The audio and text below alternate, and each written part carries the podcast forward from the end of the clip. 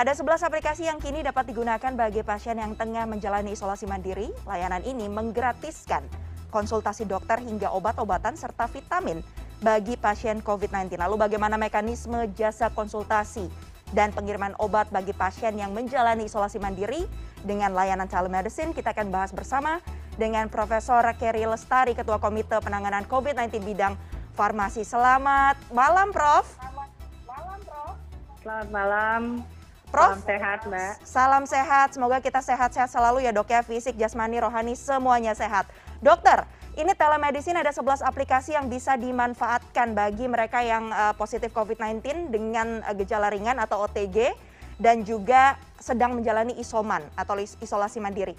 Mekanismenya seperti apa sih, Prof, layanan telemedicine ini?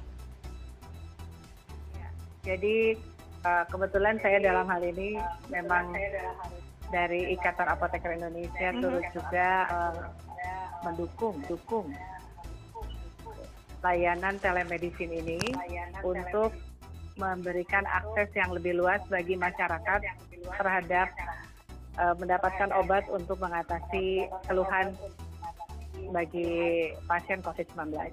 Jadi mekanismenya adalah pasien tersebut uh, terkoneksi melalui new record record tersebut uh, merupakan salah satu uh, data entry bagi mereka yang terkonfirmasi positif COVID-19.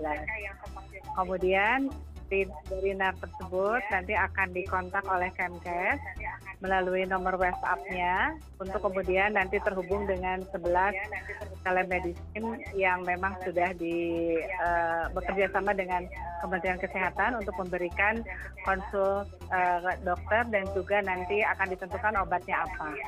Ada dua paket obat yang disediakan yang nanti akan disalurkan melalui uh, Kimia Farma apotek kimia farma, jadi jajaran apotek kimia farma yang memang nanti sesuaikan dengan kondisi pasiennya. Misalkan uh, ada dua yaitu pasien dalam kondisi tanpa gejala OTG itu diberikan uh, vitamin dengan guideline-nya. Kemudian yang pasien dengan gejala ringan uh, itu diberikan uh, obat-obatan sesuai dengan guideline di antaranya adalah paracetamol, antibiotik, kemudian ada juga antivirus serta juga suplemen yang sesuai dengan guideline juga. Nanti obat tersebut kemudian uh, sampai kepada pasien uh, melalui uh, kurir. Jadi pasien akan mendapatkan obat tersebut di rumahnya. Nah ini memang satu terobosan di antara uh, kesulitan pasien saat ini mencari obat-obatan dan juga kesulitan ataupun juga keterbatasan uh, pasien untuk mendapatkan akses masuk ke rumah sakit ya karena kondisi uh, rumah sakit saat ini memang uh, mengutamakan untuk pasien yang geja dengan gejala sedang dan berat.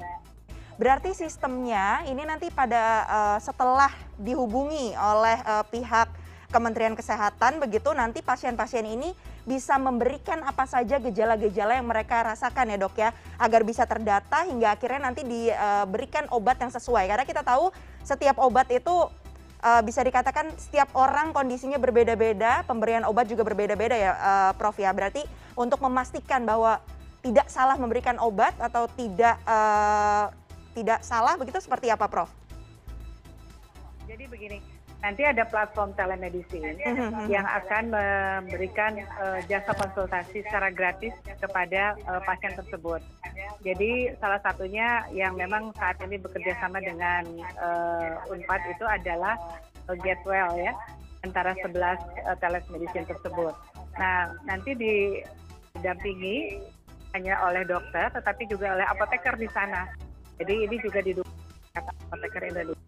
Jadi di situ nanti ada internal uh, collaboration practice untuk untuk mengawal uh, pasien sehingga lebih optimal dalam penggunaan obat. Nah, nanti prosesnya akan dikeluarkan uh, online prescription dari telemedicine tersebut, kemudian itulah uh, dengan resep itulah nanti pasien akan menebus obatnya di kimia farma. Jadi tetap untuk obat yang sifatnya adalah obat uh, obat dalam hal ini adalah obat keras itu tetap harus harus didampingi oleh dokter dan harus dibeli dengan resep dokter. Nanti apoteker uh, di dalam hal ini akan mendampingi dari sisi konseling penggunaan obatnya akan lebih lebih optimal. Dan memang belum semua platform bekerja sama dengan apoteker, namun uh, ada salah satu platform di antaranya itu Getwell yang sudah ber, ber, uh, berkolaborasi dengan INA.TI Unpad. Di situ akan terjadi juga uh, kolaborasi untuk uh, pendampingan isoman antar profesi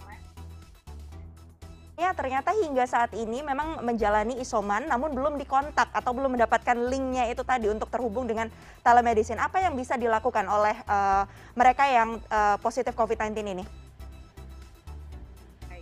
Yang sudah positif COVID-19 ini sebetulnya masih bisa juga langsung kontak terhadap uh, terhadap telemedicine tersebut. Mm -hmm. Jadi tinggal kontak saja dengan telemedicine di antara 11 provider tersebut. Tapi okay. memang akses untuk mendapatkan obat dari Kemkes itu adalah berdasarkan uh, data dari new all recordnya. Mm -hmm. Namun uh, telemedicine ini juga ter terbuka untuk siapa saja yang mau mendapatkan konsultasi. Jadi kalau okay. ada yang sudah isoman, silakan saja melalui uh, sebelas telemedicine ini, tapi mungkin itu sesuai dengan uh, layanan yang disediakan masing-masing. Oke, uh, dokter, kita sama-sama tahu bahwa uh, kasus COVID-19 di Indonesia terus meningkat, kemudian yang tidak bergejala atau bergejala ringan juga diarahkan untuk bisa, iya, bisa. Uh, okay. Saya apoteker takut salah nanti. Oke, okay, enggak, ini dok, uh, kita bicara soal bagaimana, iya, bagaimana, uh, Prof, jika uh, ada beberapa kasus-kasus mereka yang sedang isolasi mandiri ini ternyata mengalami perburukan keadaan sehingga di, di uh, apakah kemudian diarahkan untuk bertemu langsung dengan dokternya atau bagaimana jika mereka ini ternyata membutuhkan uh, pemeriksaan uh, lanjutan begitu uh, pemeriksaan penunjang misalnya cek uh, ronsen atau perlu uh, cek darah apa prosedur yang harus dilalui? Prof. Ya di masing-masing telemedicine itu ada prosedur untuk bertemu dengan dokter untuk konsultasi dan juga dengan apoteker. Tentu yang paling baik selain dari uh, chat online adalah bertemu dengan apoteker melalui video, okay. jadi video chat. Jadi cari saja telemedicine yang ada video chatnya. Hmm. Dari dari video chat tersebut kan langsung terlihat ya kondisi pasiennya seperti apa. Hmm. Kemudian nanti uh, pasien tersebut diberikan rekomendasi oleh dokter yang bersangkutan, -huh. uh, ini apakah masih bisa untuk uh, isoman di rumah atau kalaupun ada perburukan misalkan dengan katakanlah saturasi oksigennya di bawah 95 maka harus segera dirujuk ke rumah sakit yang mana. Okay. Saat ini kan Kemkes juga sudah menerbitkan aplikasi Siranap. Di sana -huh. juga ada informasi rumah sakit mana yang masih bisa menerima mm-hmm. sehingga nanti uh, pasien juga bisa untuk lihat melalui aplikasi tersebut. Jadi sejalan dengan pelayanan Indonesia 4.0 maka uh, layanan tersebut memang berbasis aplikasi semuanya mm-hmm. memanfaatkan internet of things. Baik, Prof, hari ini kan layanan telemedicine mulai berlaku nih uji cobanya di DKI Jakarta. Sejauh ini evaluasi di hari pertama seperti apa, Prof Kerry? Ya, tadi saya baru aja juga uh, Zoom meeting ya dengan beberapa uh, apa dengan salah satu platform dan juga Kimia Pharma Mobile. Jadi memang saat ini uh, hari ini memang uji coba bagaimana itu berla, berla, ber, berlaku dengan baik. Evaluasinya adalah kan pasien tersebut uh, memeriksa PCR di laboratorium yang terhubung dengan New All Record ya dengan NAR. Karena basis data NAR itu yang menjadikan pasien mempunyai akses terhadap dukungan obat Picamcas ini. Dan pastikan juga bahwa eh, nomor WhatsApp yang disampaikan pada data di laboratorium tersebut adalah nomor WhatsApp aktif. Jadi nanti uh, nomor WhatsApp itu yang nanti akan dihubungi oleh uh, Kemkes yang nanti akan akhirnya pasien tersebut mempunyai akses ke telemedicine yang 11 tersebut. Baik. Ya, kita, jadi uh, evaluasi hari ini adalah kadang-kadang apalagi misalkan kalau uh, pasiennya tidak menunjukkan tidak memberikan nomor WhatsApp yang aktif ya uh-huh. agak kesulitan juga untuk dikontak. Oke, untuk bisa dikontak dan juga untuk nanti bisa memanfaatkan layanan telemedicine. Lagi-lagi diingatkan bahwa layanan ini gratis. Ya. Jadi harap bisa digunakan dengan baik juga oleh uh, mereka yang merupakan pasien COVID-19 baik dengan gejala ringan maupun tanpa gejala. Terima kasih banyak sekali lagi uh, Prof. Kerry Lestari yang merupakan Ketua Komite Penanganan COVID-19 Bidang Farmasi. Sehat selalu Prof. Terima kasih atas informasinya. Terima kasih atas informasinya. Terima kasih.